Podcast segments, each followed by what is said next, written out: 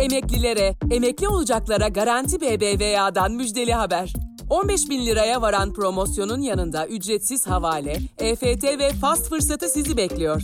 Hemen Garanti BBVA mobili indirin, maaşınızı taşıyarak fırsatları keşfedin. Ayrıntılı bilgi Garanti BBVA.com.tr'de. Araştırdık, dinledik ve gereği düşündük. Sadece gerçeklerin paylaşılmasına. Allahu Ekber, Allahu Ekber. Allahu Ekber. Kısa Dalga'ya gereği düşünüldüğe hoş geldiniz. Ben Ersan Atar. Bu ezan sesi bu ülkenin topraklarında 42 yıl önce çekilen bir filmden, Beddua filminden alınmıştır. Ezanı okuyan Bülent Ersoy. Filmin başrolünde de o var. Aslında bir bakıma kendini anlatıyor. Toplum içinde kendini yaşamaya çalışırken ona yaşatılanları. Oysa ki filmde köyün imamının fenalaşması üzerine okuduğu bu ezanla tüm köylüyü ağlatıyordu. İşte bu toprakların başkentinde bu filmin çekilmesinin üzerinden tam 26 yıl sonra pompalı tüfekle bir trans kadın öldürülüyor. Bahar Dilek İnce. Ve faili hala bulunamıyor. Ve bu topraklarda Dilek'in öldürülmesi sürecinden sonra trans kadınların saldırılara maruz kaldığı olaylarla ilgili dava 15 yıldır sonuçlandırılamıyor. İşte bu podcast'imizde bu davayı Eryaman Esat davasını merkeze alarak trans kadınların yaşamından bir kesit sunacağız. Bazı söylenecekleri eksik bırakma riskimizin olduğunu peşinen belirtelim. Sizin de bu kulakla dinlemenizi tavsiye ederiz. Trans kadınların tüm toplumsal sorunlarını tam olarak aktarabilme iddiasında değiliz, olamayız.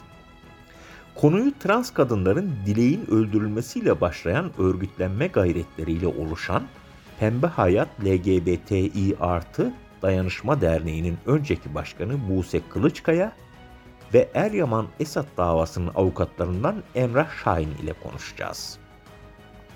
Podcast'imizde Beyoğlu eski emniyet müdürü Süleyman Ulusoy'u yani Hortum Süleyman'ı, İçişleri Bakanı Süleyman Soylu'yu, baskın düzenlenen kadın kuaför salonlarını, her bir trans kadın başına 5000 TL isteyen A takımı referanslı sanıkları ve bunlara çete demeye dili varmayan erkek yargıçları bulacaksınız. Hazırsak başlayalım.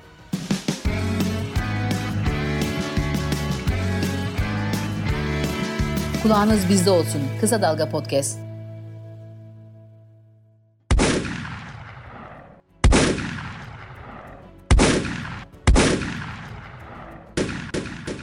Böyle bir sesti. Pompalı tüfeğin hedefinde Bahar Dilek İnce vardı. Ankara'nın İskitler semti ile Ettik semti arasında öldürüldü.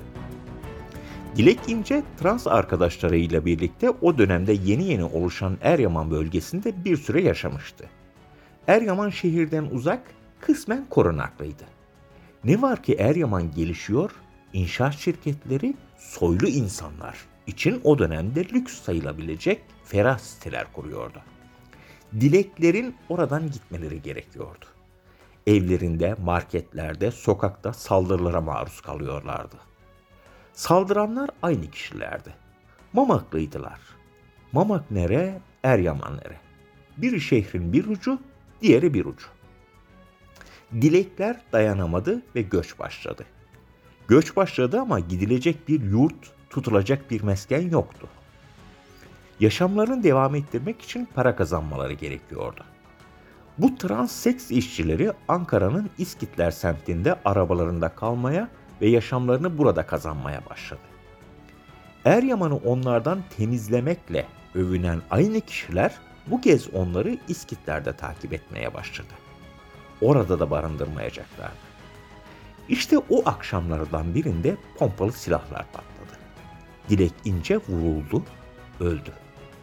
Tutanaklar tutuldu, otopsi yapıldı, olay yeri incelendi ama olayın faili hala bulunamadı. Zaten faili aktif olarak arayan bir savcı da polis amiri de yoktu. Biraz sonra asıl konumuza Eryaman Esat davasına geçeceğiz. İsterseniz Dilek İnce'nin ölümünü bir de Pembe Hayat LGBTİ artı Dayanışma Derneği'nin önceki başkanı Buse Kılıçkaya'dan dinleyelim. Yani e, Dilek İnce de orada e, çalışan arkadaşlardan bir tanesi orada şiddetin çok yoğun artmasından sonra ve aynı zamanda oradaki yaşayan Eryaman'daki yaşayan ve aynı zamanda seks işçiliği yapan insanlar artık e, e, işkencenin dayanılmaz boyutuyla karşı karşıya maruz kaldığında e, kendilerini tekrar e, şehrin içlerine doğru atmaya başlıyorlar. Çünkü kişilerin isimleri veriliyor, bu kişiler hakkında şikayetçi olunuyor. Fakat Eryaman'daki polisler çok fazla harekete geçmiyorlar. Sonra bu arkadaşlarından e, bazıları yani evi basılıyor, arabaları zarar görüyor, kezzap dökülme olayları yaşanıyor e, ve kimileri artık evlerini o haliyle bırakıp kaçmak zorunda kalıyor. Kimisi de şehrin içerisinde, Ankara'nın şehrin içerisinde bir başka arkadaşının yanına sığınıyor. Ama bu insanların hayatlarını devam ettirebilmesi için aynı zamanda çalışıyor olması da gerekiyor. Yani e, bu sefer de İskitler tarafında e, tekrar arabalarında çalışarak hayatlarını devam ettirecekleri sırada İskitler'de Dilek İnce cinayeti işleniyor. Dilek İnce'nin öldürülmesiyle başladık ama anlatacağımız dava başka saldırıların davası. Dilek'in arkadaşlarına yönelik saldırılar. Çünkü az önce dediğimiz gibi Dilek İnce cinayeti faili meçhul olarak duruyor. Evet davaya gelelim.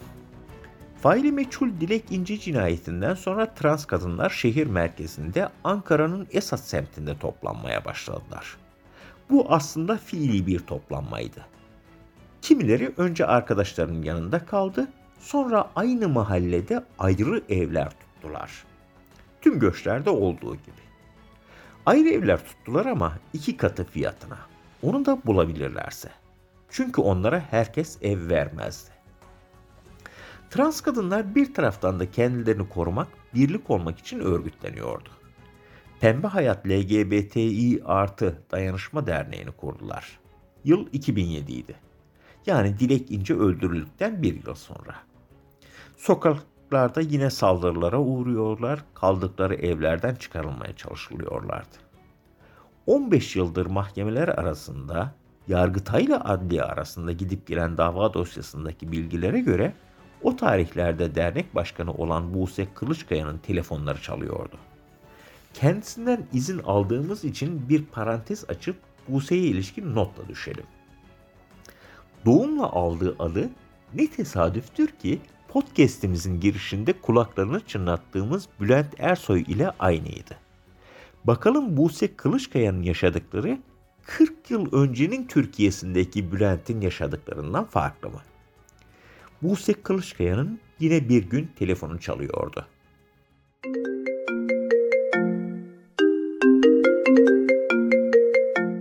Fondaki kişi şöyle diyordu.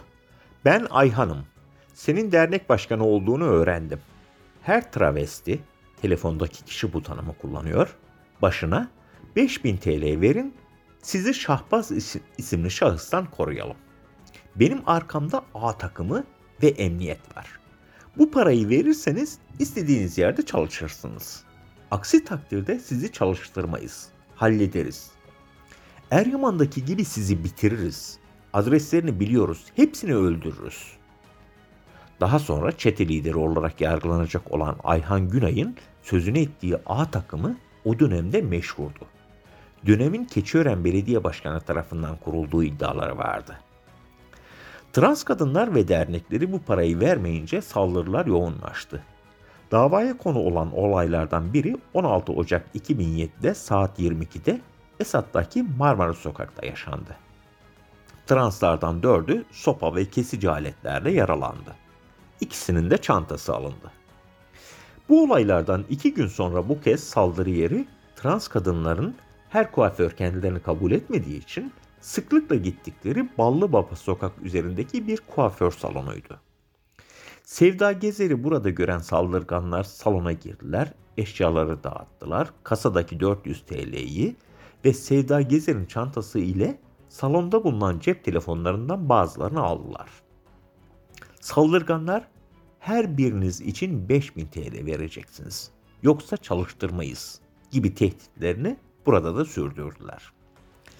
Sanıkların savunmalarına göre ise Sevda Gezer sanıklardan birinin arabasına çarpmış, kuaför salonuna sığınmış, sanıklar da onu takip etmişti. 16 ve 18 Ocak'ta Bağlar Caddesi üzerinde başka trans kadınlara karşı da saldırılar oldu. Trans kadınlar elinde sopa ve satırlar bulunan kişiler tarafından saldırıya uğradı. Her iki grup saldırganın da söylemleri aynıydı. Kişi başına 5000 TL para istiyorlardı. Translar saldırıların yoğunlaşması üzerine kefenli ve mumlu eylemler yaptılar. Eylemlerin kamuoyunda duyulmaya başlaması üzerine sanıklarla ilgili gözaltılar oldu. Zaten isimler de araç plakaları da belliydi. İki ayrı dava açıldı. Biri Ankara 1. Ağır Ceza Mahkemesi'nde, diğeri Ankara Özel Yetkili 11. Ağır Ceza Mahkemesi'nde. Özel yetkili Ağır Ceza Mahkemesi'nde sanıkların çete oluşturdukları iddiası da vardı. Zaten o nedenle burada açılmıştı. İki dava özel yetkiliyle birleştirildi. Böylelikle sanıklar Ayhan Günay, Şammaz Taşdemir, Ahmet Günay ve Harun Çardak suç işlemek amacıyla örgüt kurmak, nitelikli yağma ve nitelikli yağmaya teşebbüs suçlarından yargılanmaya başladılar. Mahkeme ne dedi? Çetin'in varlığını nasıl belirledi? Yargıtay bu kararı nasıl bozdu? Ona geçmeden önce şu saldırıları ve kişi başına 5000 TL istenme sürecini bir de Buse Kılıçkaya'dan dinleyelim. Kılıçkaya bir taraftan da nasıl ve niye örgütlendiklerini anlatıyor. Şöyle Pembe Hayat'ın işte oluşum olduğu Pembe Hayat, lezbiyen, gay, biseksüel, travesti ve transseksüel derneği diye e, oluşmaya başlamış bir sivil toplum örgütü. Aslında o zaman dernek değil bir oluşum. E, aslında ilgilenmek istedikleri tek mesele yani hepimizin e, hem LGBT sivil toplum örgütlerini hem Türkiye'deki sivil toplum örgütlerini hem de e, devlet mensuplarına vereceğimiz bir cevap vardı. Transız buradayız hani ve bizim sorunlarımızla da ilgilenilmesi gerekiyor meselesiydi. E, özünde aslında e, bir trans örgütlenmesi e, Pembe Hayat. Ve Pembe Hayat'ın o oluşum dönemlerinde yani saldırıların, mamak çöplüklerinin atıldığı dönemlerin işte biraz önce söylediğimiz gibi balyozun yoğun baskısının yaptığı dönemlerde artık translar sadece kendi haklarını savunabilecekleri bir alan yaratma çabası doğuyor ve o içinde hepimiz e, örgütlenmeye başlıyoruz. Bu Eryaman'daki olaylar da aslında örgütlenmemize ciddi derecede bir katkı sağlıyor. Yani bir arada olmanın önemini görmeye başlıyoruz. Çünkü hepimiz ölümle tehdit ediliyoruz. Eryaman'daki olaylar e, işte İskitlere, İskitlerden sonra Esat bölgesindeki çalışan seks işçilerine e, sirayet etmeye başlıyor. Yani aynı isimler, aynı kişiler, aynı araba plakaları e, bir anda işte hani e, bir telefon alıyorum işte kişi başı 5000 TL verilmediği takdirde her gün bir trans kellesinin e, kapımın önüne bırakılacağı e, veya işte her gün bir transın öldürüleceği, kapımıza notlar bırakılmaya başlanıyor ve biz doğal olarak bundan ciddi derecede hepimiz etkileniyoruz. Yani bir arada durmak ve örgütlenmekten başka e, şansımız yok. Çünkü derdimizi anlayan da yok. Yani o dönemler insan hakları konusunda da birçok sivil toplum örgütü mesele trans olduğu zaman ki yani üzülerek söylediğim şeylerden bir tanesidir bu. E, eşcinsel örgütlenmeleri de trans örgütlenmesine mesafeli bakıyor. Yani hani burayı bir bataklık olarak e, görüyor insanlar ve bu insanlar nasıl örgütlenir ki diyor. Ama aslında yani bizim gerçekten bir arada durmaya ve yaşam hakkımız için mücadele etmeye hakkı e, ilk baştaki en büyük talebimiz o, o dönem ve şunu söylüyoruz aslında yaşamak istiyoruz. Sözü sonra yine Kılıçkaya'ya bırakacağız. Şimdi davaya dönelim. Sanıklar birbirleri için tanımayız etmeyiz diyorlardı ama aralarındaki süreklilik kazanan ve saldırıdan önce yoğunlaşan telefon görüşme kayıtları öyle demiyordu. Ve özel yetkili Ağır Ceza Mahkemesi yargılama sonunda çetenin varlığını belirleyip Özetle şöyle dedi. Sanıklar önceden bir araya gelmişlerdir. Müdahilleri kendi hayat alanlarından çıkarma konusunda fikir birliğine varmışlardır. Aldıkları bu karar doğrultusunda müdahillere karşı birlikte hareket etmişlerdir. Aynı gün ve sonrasında benzer eylemlerde bulunmuşlardır. Gerçekleşen eylemlerin yanı sıra amaçları gerçekleşinceye kadar yeni eylem kararlılığı içinde bulunmuşlardır. Aralarında gevşek de olsa hiyerarşik bir bağ kurulduğu, belirtildiği şekilde suç işleme kararında devamlılık bulunduğu anlaşılmıştır. Bu şekilde örgüt kurma suçunu işledikleri sonucuna varılmıştır. Dosya iki kez Yargıtay'a gidiyor. Birinde efendim şu tebligat şu kişiye şöyle yapılmış diye bozuluyor. Sonra da burada çete var mı yok mu diye iyi bakılsın denilerek bozuluyor. İncelemeyi Yargıtay 6. Ceza Dairesi yapıyor. Daire burada çete yoktur da demiyor ama şöyle söylüyor.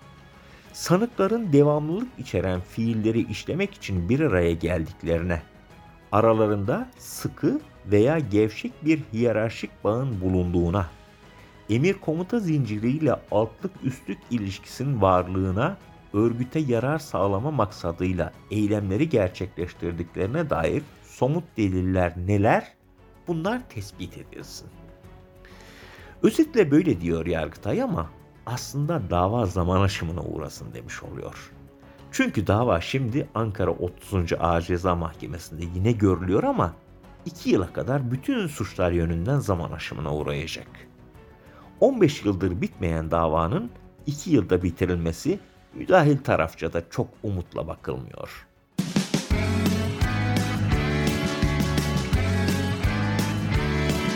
Kulağınız bizde olsun. Kısa Dalga Podcast. Peki bu davalar niye bitmez? Bu davalar bitip de Türkiye'nin 40 yıl önce Bülent Ersoy'a baskılar yaşatan Türkiye'den farklılığı niye gözlenmez? Acaba toplum mu bunu istiyor yoksa tabanını konsolide etmeye çalıştıkça gündemi ötekilere yönelten siyaset mi toplumu ve yargının tavrını belirliyor? Bu soruyu sormayacaktık ama İçişleri Bakanı Süleyman Soylu birkaç gün öncesinde Türkiye muhtarlarla el ele toplantısında bir konuşma yaptı. Bakan Soylu'ya kulak verelim. Mahallenizde hangi anne baba LGBT'nin bu ülkede yayılması, gelişmesi için size başvuruyor? Bir tane. Bir anne baba. Ya LGBT bu ülkede yayılsın. Ondan sonra bizim çocuklarımız bu işlerle daha çok ilgilensin diye bir tek kişi size başvurdu mu? Peki bu sevda nereden çıkıyor? Avrupa'dan ve Amerika'dan. Nasıl çıkıyor? Çok basit. Yurt dışında bu dernekler var. Vakıflar var. Bizatihi büyük elçilikleri var. Biz nasıl ayakta duruyoruz? Uyuşturucuyla saldırıyorlar, ayakta duruyoruz. Terörle saldırıyorlar, ayakta duruyoruz. Öyle mi? Ekonomik olarak saldırıyorlar, ayakta duruyoruz. Neden? Aile yapımız güçlü onun için. Aile yapımızı sarsmak, ortadan kaldırmak, zeminimizi oynak hale getirebilmek için ellerinden gelen her şeyi yapıyorlar. Bakan Soylu konuşmasının devamında Elinoğlu Türkiye'de bu tip meselelerin yaygınlaşması için niye para versin diye soruyor.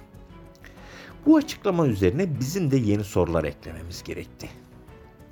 Örneğin lezbiyen olmak, gay olmak, trans olmak bakanın söylediği gibi uğraşılacak bir iş midir? Yayılabilecek bir ideoloji gibi bir şey midir? Yoksa hormonal ve biyolojik bir durum mudur? Bu sorunun cevabı zaten belli olduğu için bunu geçelim. Asıl sorumuza gelelim.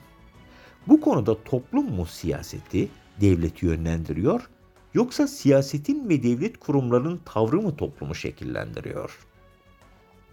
Soruyu 2000'lerin başında Beyoğlu'nda öteki kabul ettiği transları, geyleri ve diğerlerini elindeki hortumla dövdüğü için Hortum Süleyman lakabını alan dönemin Beyoğlu Emniyet Müdürü Süleyman Ulusoy'un bu ülkenin bir gerçeği olduğunu da hatırlatarak Buse Kılıçkaya'ya soruyoruz. Bakalım Kılıçkaya neler düşünüyor? Dinleyelim. Şimdi aslında toplum dediğimiz kişi kim? Bu toplumu üreten, bu toplumun içerisinde olan kişi aynı zamanda biz. Yani hani e, tabiri caizse e, bu örnek çok sıkça verilir. Ben de vermek istiyorum. Biz taş kovuğundan, bir ağaç kovuğundan veya bir taş parçasından dünyaya gelmedik. Biz de bu toplumun içerisindeki anneler, babalar, kardeşleri olan, bu toplumun içerisinde yaşayan, e, yani bir bağımızın olduğu ve e, Türkiye Cumhuriyeti vatandaşı olarak kimliğimizi aldığımız bir yerde yaşayan insanlarız. Ve buranın vatandaşıyız. E doğal olarak aslında devlet mi toplum mu dediğiniz yerde diye baktığımız yerde de biz bunların ikisinin dışında yerlerde durmuyoruz. Sadece e, şu yapılması gerekiyor. Yani Türkiye birçok sancılardan sancılardan geçmiş bir e, ülke ve e, transseksüellik meselesinde de e, birçok sınavlar vermek zorunda kalıyor. Mesele e, insanların fobileri yani ön yargıları, bu ön yargılarını e, giderecek devlet politikaları. Çünkü yani benim annem babam da şunu söyle yani benim çocuğuma dokunmayın diyor. E, yani benim ailem Türkiye Cumhuriyeti'nin içerisindeki bir aile değil mi? O zaman bunu dışarıda mı bırakacağız? Veya ben Türkiye Cumhuriyeti vatandaşı değil miyim? Beni bir tarafta mı bırakacağız? Ee, yani devlet siyaseti kişiye özgü bir siyaset yöntemiyle yola alamaz. Yani e, sadece devlet dediğimiz şey Türkiye Cumhuriyeti içerisindeki yaşayan her insanın haklarını savunabileceği, onların e, özgürlüklerini savunabileceği, diline, dinine, ırkına, cinsiyetine, yönelimine, kimliğine, engellilik durumuna göre politika geliştirebileceği bir yerde durması gerekiyor. Aslında bu kadar basit. Doğal olarak devletin içerisinde e, baktığımız zaman bir tanesi İstanbul Emniyet Müdürü'ydü. Beyoğlu İstanbul Emniyet Müdürü'ydü. Hortum Süleyman elinde hortumuyla sağa sola savurup savurup e, insanları e, döven, aynı zamanda birçok transa evlerinin içerisine kadar ba, ba, baskın yapıp e, gözaltına alınan, sabahlara kadar karakollarda işkenceler yapan, saçları kesilen, ne bileyim ben e, bir, bir takım işkencelerden geçirilen insanlardık. Hortum Süleyman gibi emniyet müdürleri için bir dönemler bir. Bir tanesi ise bakan. Yani tabii ki Hortum Süleyman bir e, Beyoğlu Emniyet Müdürü onun e, yapılabilirliğini yine burada şey görmek istemiyorum. Hani tamam o yapabilir demek istemiyorum ama bakan tüm vatandaşı için çalışmalı demek istiyorum. Yani e, orayı denetleyecek e, bir emniyet müdürünü denetleyecek kişinin de e, bakanlıklar olduğunu yani devletin birimleri olduğunu söylemek istiyorum aslında. E, maalesef bir takım ön yargılarıyla karşılaşılabiliyor. Bugün işte hani e, en çok demokrasinin olduğu birçok ülkede dahi hala işte siyahiler, hala engelliler veya hala farklı e, veya ötekileştirilmiş gruplar da sorunlar yaşıyor. Meselenin devlet e, siyaseti üstü bir şey olması gerekiyor. Yani insan hakları, temel insan hakları prensibinden yaklaşılması gerekiyor. Biz sadece şey demiyoruz, kendimiz için insan hakları meselesi demiyoruz. Biz herkes için insan hakları diyoruz. Çünkü biz e, Kürdüz, transız, Aleviyiz, transız, e, Çingeneyiz, transız, engelliyiz, transız. Yani bu toplumun her bir kanadında, her bir ötekilik alanında veya bu devletin herhangi bir mertebesinde cinsel yönelimimiz veya cinsiyet kimliğimizin dışında biz insanız. E, meseleye buradan bakılması aslında gerekiyor. O yüzden hani bir karşılaştırmanın dışında e, benim söyleyebileceğim sadece şey olabilir. Yani devlet hepimizin ve biz de bu ülkenin vatandaşlarıyız. E, yani Hortum Süleyman'ı gider, e, başka bir Süleyman'ı gelir. Başka bir e, Süleyman gider, başka bir soylusu gelir. Podcast'imizde son söz savunmanın deyip sözü Eryaman Esat davasının avukatlarından Emrah Şahin'e bırakalım. Şahin'e göre çözüm bu davada ve bu tür davalarda sonuç, suçun tanımlanmasında yatıyor. Şahin, saldırıların hedefi olan müvekkillerinin toplumun bir kesimi olduğu için suçun insanlığa karşı işlendiğinin tespit edilmesi ve buna göre yargılama yapılması gerektiğini belirtiyor. Dosya içerisinde böyle bir tespit, tespit yapılacağının emaresi yok. Ama böyle bir tespit yapılırsa dava zaman aşımına uğramaktan da kurtulacak. Son söz avukat Emrah Şahin'de. Translara karşı hemen hemen her gün ayrımcılık ve nefret suçları işlenmektedir. Eryaman davası bu suçların örgütlü ve sistematik olarak işlendiğini gösteren örnek bir davadır. Müvekkillere barınma, çalışma, sosyal yaşama katılma ve yaşam hakkını dahi çok gören karanlık bir zihniyetin örgütlü olarak dışa vurumudur. Ancak mahkeme başından bu yana müvekkiller adi bir suça maruz kalmışçasına konuyu ele almış. Eryaman davasında mahkeme heyeti bu suçları ayrımcılık ve nefret kaynaklı olarak insanlığa karşı işlenmiş kabul edip yargılama yapmalıdır. Müvekkiller insanlığa karşı işlenen bir suçun mağdurudur. Dolayısıyla bu dava her kesimden biri yakından ilgilendirmektedir. Toplumun bir kesiminin hukuki güvenliğinin olmadığı yerde başka bir kesiminin de hukuki güvenliğinden bahsedilemez. Nitekim adalet toplumun tüm kesimlerinin dahil olduğu ayrım ve ayrıcalık gözetmeksizin herkesin kanun önünde eşit olduğu bir idealdir. Birey topluma aidiyetini belli özgürlüklerinden feragat ederek kabul eder. Bu nedenle erklerden beklentisi toplum içinde eşit koşullarda olmak ve eşit haklardan yararlanmaktır. Aksi halde bu toplumsal sözleşme ihlal edilmiş olur ve kamusal düzen bozulur. Yargıya ve yasa koyucuya inanç kalmaz. Toplumu bir arada tutan bu eşitlik vaadidir. Vekillere karşı işlenmiş olan bu suçlar topluma karşı işlenmiş olup ivedi bir şekilde cezalandırılmaması toplumdaki adalet duygusunu da köreltmektedir. Nitekim bu davada olduğu gibi yargılama 14 yılı aşkın süredir devam ettiği halde sanıklar halen hüküm giymemiş ve adalet yerini bulmamıştır. Bir an önce adalet yerini bulsun ve insanlığa karşı suç işleyen sanıklar bu suça konu eylemleri nedeniyle cezalandırılsın istiyoruz. Ve gereği düşünüldü diyoruz. Anlaşılan o ki toplumun ön yargılardan kurtulması, LGBTİ artıların daha fazla birlik olması ve onların hastalıklı olmadığının iyice anlaşılması gerekiyor. Podcast'imizle buna bir parça katkı sağladıysak ne mutlu bize. Kısa Dalga podcastleri Demet Bilge Erkasab'ın editörlüğünde Mehmet Özgür Candan'ın post prodüksiyonu ve Esra Baydemir'in hazırladığı görseller ile yayınlanıyor. Kısa Dalga'ya destek vermek için Patreon sayfamızı ziyaret edebilirsiniz.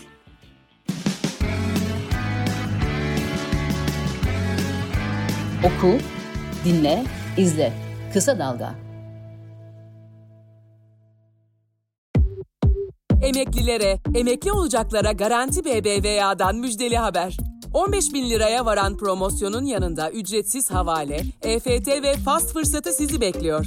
Hemen Garanti BBVA mobili indirin, maaşınızı taşıyarak fırsatları keşfedin. Ayrıntılı bilgi Garanti BBVA.com.tr'de.